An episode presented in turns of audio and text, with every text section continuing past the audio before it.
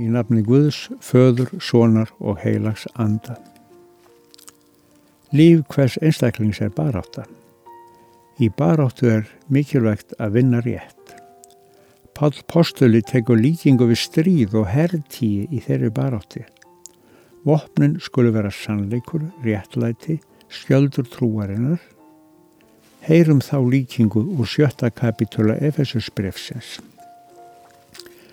styrkist í drottni og krafti máttar hans, klæðist alvæpni Guðs til þess að þið geti staðist velar bráð djöfulsins. Því að baráttan sem við eigum í er ekki við menn af holdi og blóði, heldur við tegnirnar og völdin, við heimstrotna þessa myrkurs, við andaverur vonskunar í heimingeimnum. Takið því alvæpni Guðs til þess að þið getið veitt mótstöðu á hinnum vondadegi og haldið vellið þegar þið hafið sigrað allt. Standið því girt sannleika um lendariðar og klætt réttlætinu sem brinju og skóð á fótum með fúsleik til að flytja fagnaðu bóðinum frið. Takið umfram allt skjöld trúarinnar sem þið getið slögt með öllu logandi skeiti hins vonda. Setið upp hjálm hjálpraðisins og grípið sverð andans Guðs orð. Gerið það með bæn og beðni og beðið á hverri tíð í anda. Verið þannig árvökul og stöðug í bæn fyrir öllum heilugum. Beðjum nú með orðum eins baráttu sálms sér að Fridriks Fridrikssonar. Til stríðs við krossin stendur því sterka æskulið Lift hátt Guðs fagra af hána og fylgjum oss þar við.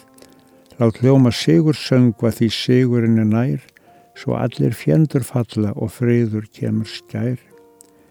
Til stríðsós Kristur kallar því kalli hlýðum skjótt, að lífsins mikla móti og smiða skal þá fljótt. Í hættum vex og sögur, í hörmung þreng og dáð, og trúar djörfungu dafnar í drottins Jésu náð. Til stríðs, til stríðs verð skundum þótt stríðið kosti blóð. Í dag er mein og mæða á morgun sigur ljóð. Því liftum ljósins fána í liði frelsarans. Ef dögum Guð og skefur, hinn gullna sigur krans. Byggjum nú með orðun Jésum, Fadir vor þú sem ert á himnum. Helgist þitt nafn, til komið þitt ríki, verði þinn vilji svo á jörðu sem á himni.